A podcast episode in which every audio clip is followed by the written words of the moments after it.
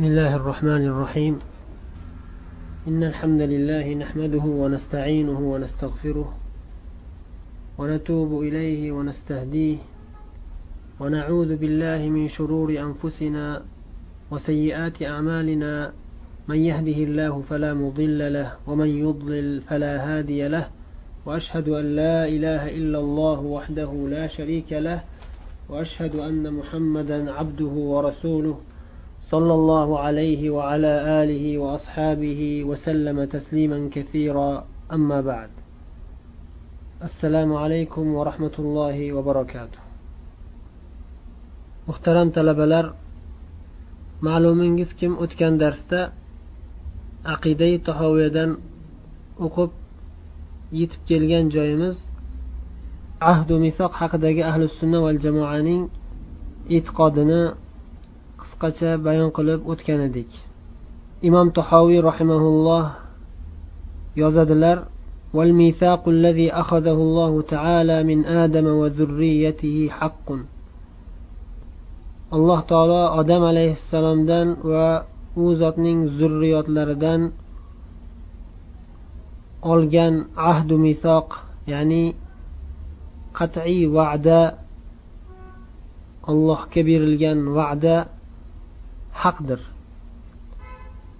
Kim tarafidan odam alayhissalom va u kishining avlodlari tarafidan alloh taologa berilgan va'da haqdir. Ahdu paymon haqdir. Nima deb va'da berishgan? Albatta sen ey alloh taolo bizning parvardigorimizsan deb va'da berishgan shuni e'tirof etishgan ya'ni. Mana shu narsa haqdir deb aytdilar. Chunki bu narsa qur'oni karimda ham sahih hadislarda ham xabar berilgan ilmlardan alloh taolo o'zi xabar bergan ilm. Endi bugungi darsimizda bugungi o'tadigan darsimiz taqdir haqida batafsilroq yozganlar imom tahoviy mana shu biz yetib kelgan nuqtalarda mana shularni biz o'qib tarjima qilib o'tamiz. Qisqacharoq izohlab o'tamiz. Chunki taqdir haqida biz avvalgi darslarimizning ba'zilarida sharhlab o'tdik. Taqdirga iymon keltirish uchun albatta mo'min musulmon kishi to'rtta martabaga iymon keltirishi zarur ekanligini zikr qilib o'tganmiz. Dalil isbotlari bilan taqdirga iymon keltirish martabalarining birinchisi alloh taolo barcha narsalarni azaldan bilganligi mana shunga iymon keltirishimiz zarur shart ekanligi alloh taolo hamma narsani azaldan bilgan. Ikkinchi martabasi alloh taolo qiyomatgacha bo'ladigan barcha voqealarni yozib qo'yganligi bitib qo'yganligi. Uchinchi martaba butun koinotdagi butun mavjudotdagi yaratilayotgan narsalar yaratilgan va yaratilayotgan narsalarni hammasini alloh taolo o'zi yaratganligi va o'zi yaratayotganligi. Yaratishlik faqatgina alloh taoloni o'ziga xos sifat ekanligiga iymon keltirish. Xoh u narsalar bandalarning o'zlari bo'lishsin va xoh bandalar qilayotgan ishlar bo'lsin. Ya'ni alloh taolo shu bandalarni ham o'zi yaratgan va bandalar qilayotgan ishlarni ham alloh taolo yaratgan. Mana shu taqdirga iymon keltirishning uchinchi martabasi. Alalahul xalq val amr degan alloh taolo ogoh bo'linglarki yaratishlik va buyruq berishlik allohga xosdir. To'rtinchi martabasi al mashia al mashia alloh taolo o'zi xohlashligi o'zi iroda etishligi qaysi bir voqea ro'y beradigan bo'lsa albatta ana shuni alloh taolo o'zi xohlagan bo'ladi. Alloh o'zi xohlagan bo'ladi. Buni mashia deyiladi. Al mashia xohish. Yana bir kalima bilan yana bir boshqa ibora bilan aytganda al irodal kavniya. Kavniy iroda. Kavniy iroda. Allohning kavniy xohishi kavniy irodasi ya'ni albatta bo'lishi lozim deb xohlaganligi. Bo'ladigan voqealarni albatta shu voqea bo'lishi lozim shart deb xohlashligi. Bu narsani hech kim qaytara olmaydi kechiktira olmaydi o'zgartira olmaydi. Mana shu to'rtta martaba. Bu haqida biz avvalgi darslarimiz ba'zilarida boya aytganimizdek batafsil sharhlab o'tganmiz.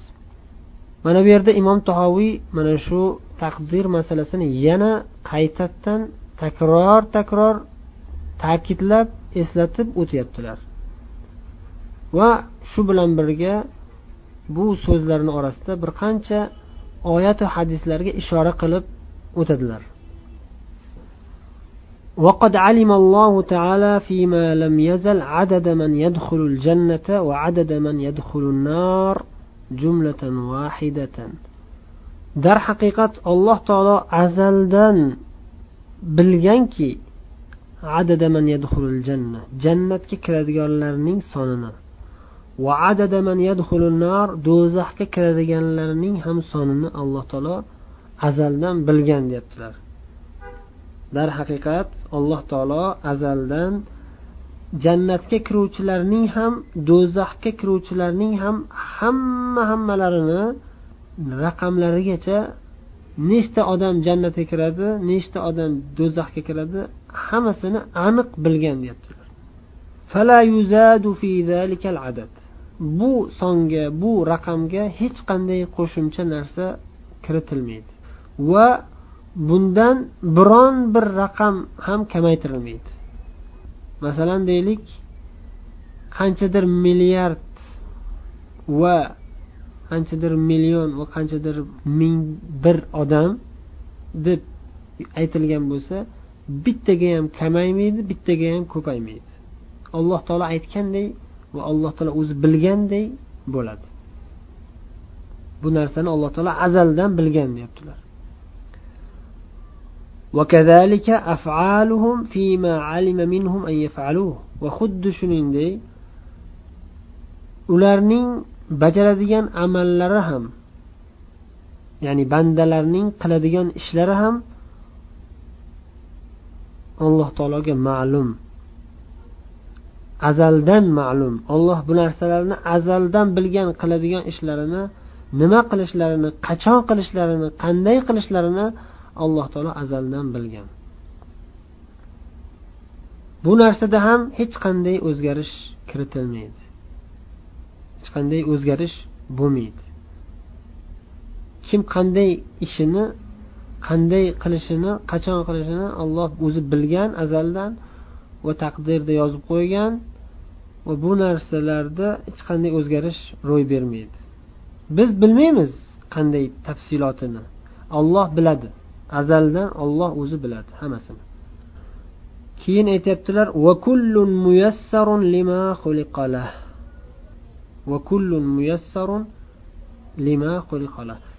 ya'ni har bir kishi nima uchun yaratilgan bo'lsa ana shunga muyassar etiladi. Yengil qilib qo'yiladi ana shu ish. Ya'ni musulmon bo'lib yashash uchun yaratilgan bo'lsa o'sha odamga islom ishlari yengillashtirib qo'yiladi. O'sha odam islomga qiziqib islomga harakat qilib yashaydi. Kimki kofir bo'lib yashashligi yozib qo'yilgan bo'lsa taqdirda olloh shunday bo'lishini bilgan va shunday bo'lishini xohlagan shunday qilib yaratgan bo'lsa o'sha odam kufr ishlariga qiziqadigan kufr ishlariga harakat qiladigan va kufr ishlari unga yengillashtirilgan bo'ladi. O'zi o'sha kofir bo'lib yashayotgan odam shu kufrga o'zi o'z ixtiyori bilan harakat qiladi. O'zi shuni xohlab yashaydi. O'shani botilligini zalolatligini bilib tursa ham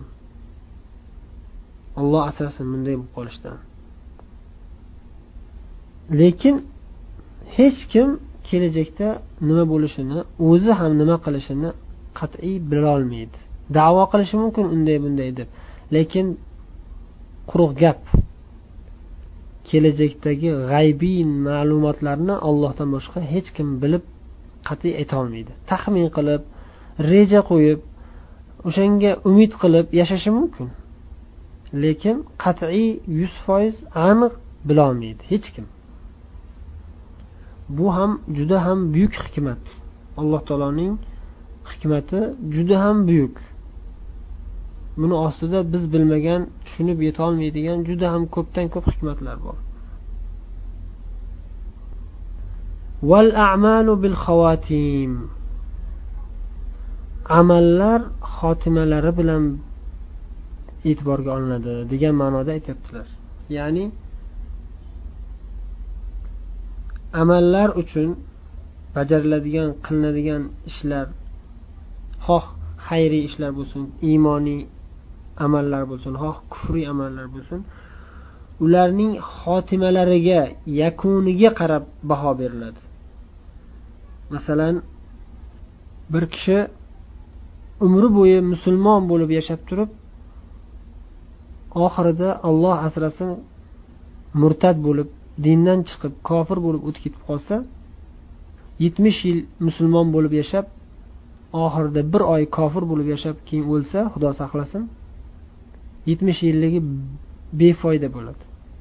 Oxirgi bir oy xotimalari yakuni e'tiborga olinadi. Qolgan hammasi behuda bo'lib ketadi. Alloh asrasin. Yana kimdir buning muqobilida yetmish yil kofiru mushrik bo'lib yashab turib oxiri bir kun qolganda umridan o'zi bilmasdan qancha qolganini bilmaydi.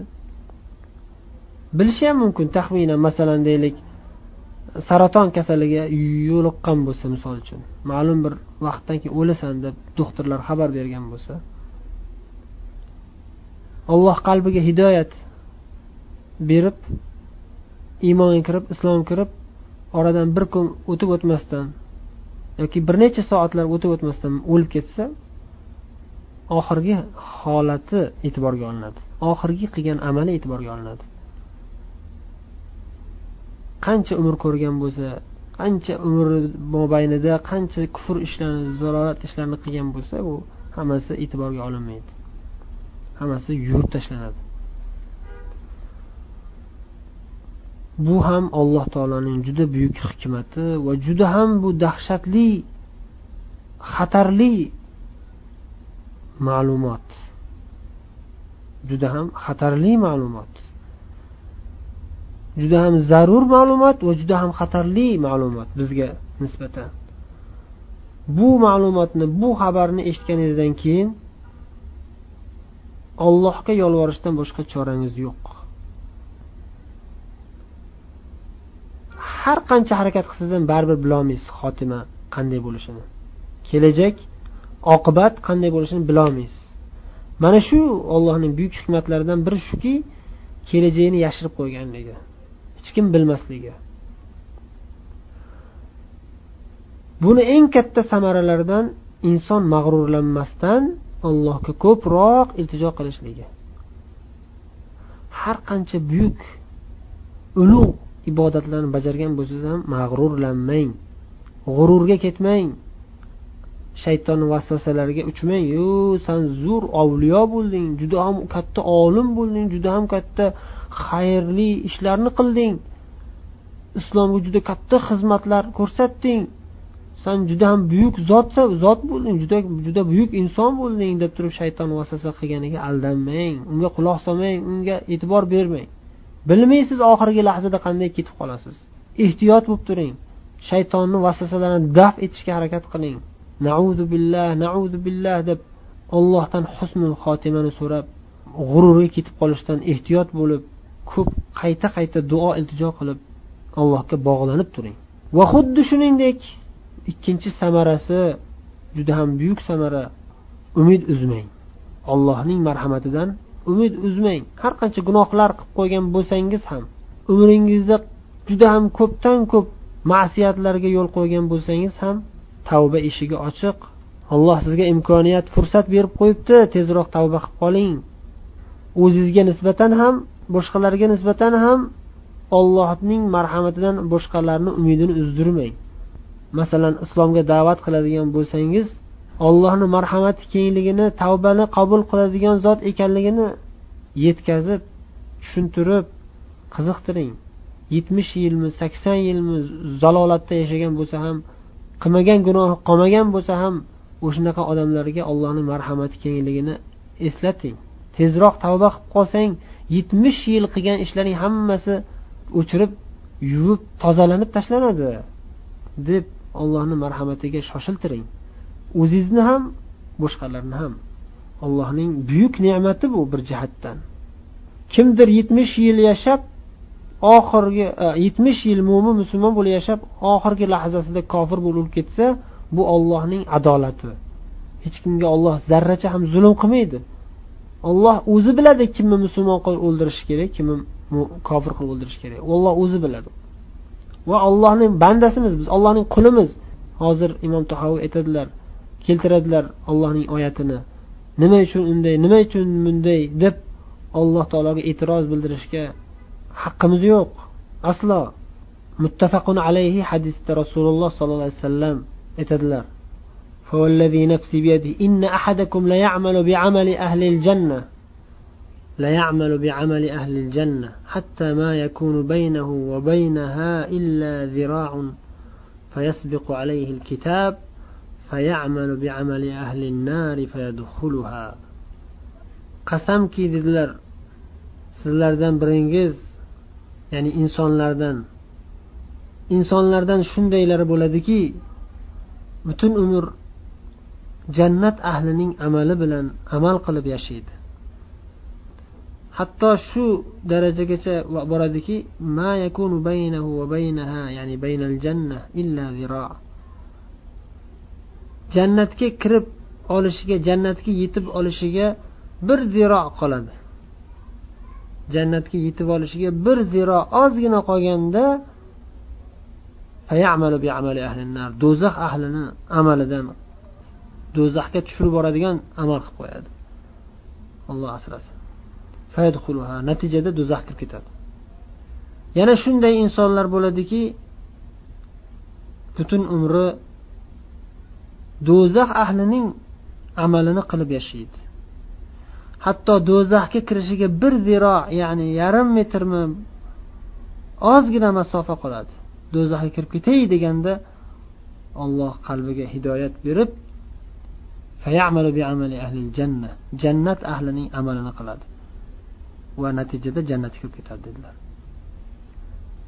lekin bizni xotirjam qiladigan nisbatan umidimizni kuchaytiradigan narsa shuki agar siz ey inson ey musulmon kishi agar siz haqiqatdan ham qalbingizdan xolis olloh uchun jannat amallarini jannat ahlining amallarini qilib yashasangiz olloh sizni tashlab qo'ymaydi.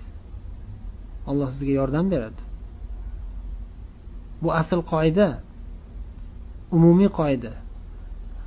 Aksariyat holatda shunday. Ya'ni qalbidan xolis olloh uchun yashaydigan odam qalbi pokiza bo'lgan odam amallari ham qalbi ham amali ham yaxshi solih bo'lib yashagan odam odatda murtad bo'lib ketib qolmaydi. Katta gunohlarga tushib fosiq bo'lib o'lib ketmaydi. Olloh o'zi o'lim vaqtida ham uni sobit qadam qilib turadi. Butun hayotida ham o'lim vaqtida ham olloh o'zi sobit qadam qilib turadi. Alloh o'zi bu haqida ham xabar berib qo'ygan qur'oni karimda. Lekin baribir biz boya aytganimizdek kelajagini bilmaymiz. Kelajakda nima bo'ladi bilmaymiz.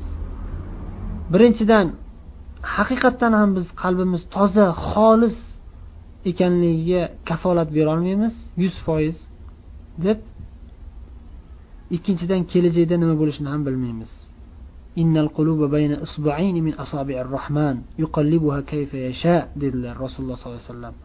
Qalblar ollohning ikkita barmog'i orasida barmoqlaridan ikki barmog'i orasida olloh o'zi xohlaganda aylantirib turadi. Bu qalb nima uchun qalb deyildi? Chunki qalb bo'lib turadi almashib turadi o'zgarib turadi.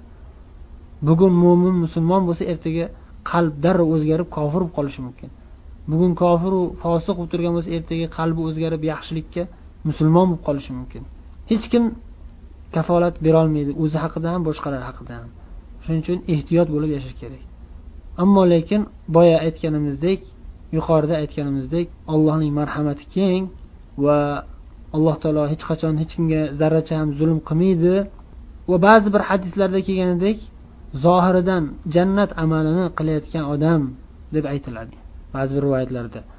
Ya'ni zohiridan odamlarga fima yurolinnas deb aytganlar.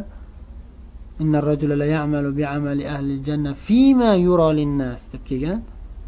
Ya'ni odamlarni nazarida juda ham mo'min musulmon taqvoli deb ko'rinishi mumkin ba'zilar. Va oxir oqibatda murtad bo'lib ketib qolib kofir bo'lib ketib qolib o'lib ketishi mumkin. Zohiridan yaxshi amal qilib yuruvdi bizga nisbatan biz ko'rardik o'sha odamni namozxon edi xayrli ishlarni qilib yurardi umrini islomga sarflar edi shunday ko'rinardi bizga. Lekin birdaniga to'satdan murtad bo'lganini ko'rib qoldik. Kofir bo'lib o'lib ketganini ko'rib qoldik. Bu qanday bo'ldi?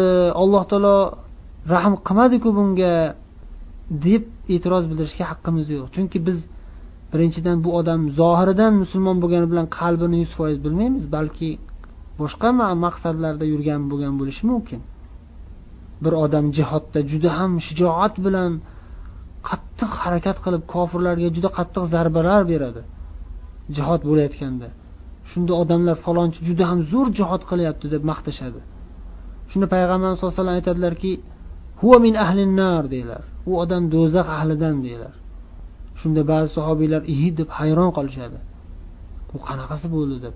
Keyin sahobiylardan birlari bu odamni kuzatib turaychi nima qilarkan deb kuzatadilar. U jihod qilayotgandan keyin o'ziga jarohat yetadi. Jarohat yetib qattiq alam qattiq og'riq ostida qolib u odam o'zini iymoni suslik qilib balki ollohning taqdiriga norozi bo'lib alam ustida o'zini o'zi o'ldiradi. O'zini o'zi o'ldirish esa eng katta gunohlardan. Shunda bu voqeani ko'rgan haligi sahobiy darhol rasululloh sollallohu alayhi vasallam oldilariga shoshilib keladilar. Aytadilarki ashhadu an la ilaha illalloh va annaka rasululloh. Ollohdan boshqa hech qanday iloh yo'q deb guvohlik beraman va siz ollohning rasulisiz deb guvohlik beraman ey rasululloh dedilar. Shunda ha tinchlikmi nima bo'ldi dedilar. Payg'ambarimiz so'raydilar. Shunda u sahoba aytadilarki siz falonchi odam haqida mana bunday degandingiz biz men hayron bo'lgandim. Mana siz aytgandek bo'ldi o'zini o'zi o'ldirdi bu odam. Do'zax ahlini ishini qilib ketdi o'zini o'zi o'ldirib deydilar haligi sahobiy. Shunda rasululloh sollallohu alayhi vasallam aytganlarki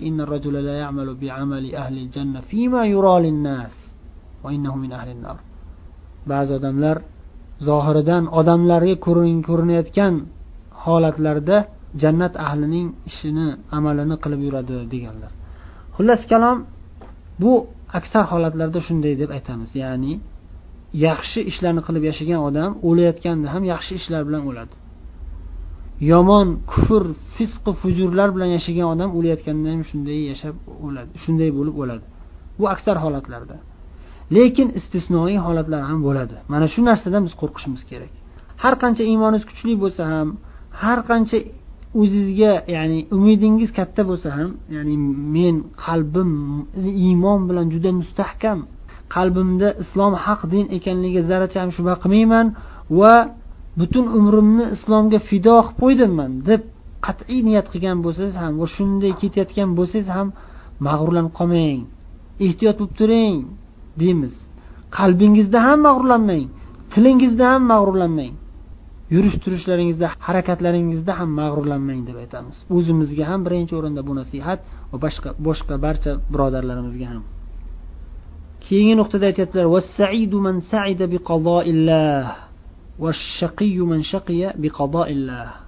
haqiqiy baxtli odam ollohning qazoyi qadari bilan baxtli bo'ladi. Allohning qazoyi qadari bilan baxtli bo'lgan odam baxtli bo'ladi. Ya'ni olloh taqdirida kimniki shu odam baxtli bo'ladi deb yozgan bo'lsa o'sha odam baxtli bo'ladi. Biz bilmasak ham olloh baxtli bo'ladi deb taqdirda yozib qo'ygan odam baribir baxtli bo'ladi. Olloh baxtsiz badbaxt bo'ladi deb yozib qo'ygan kimsa taqdirda shunday deb yozib qo'yilgan bo'lsa o'sha kimsa baribir badbaxt bo'ladi baribir baxtsiz bo'ladi. Zohiridan bizga juda baxtli odamdek tuyulsa ham undan keyingi nuqtada aytyaptilar va aslul qadari sirrullohi taala fi xalqih lam yattali ala zalika malakun muqarrabun vala nabiyyun mursal.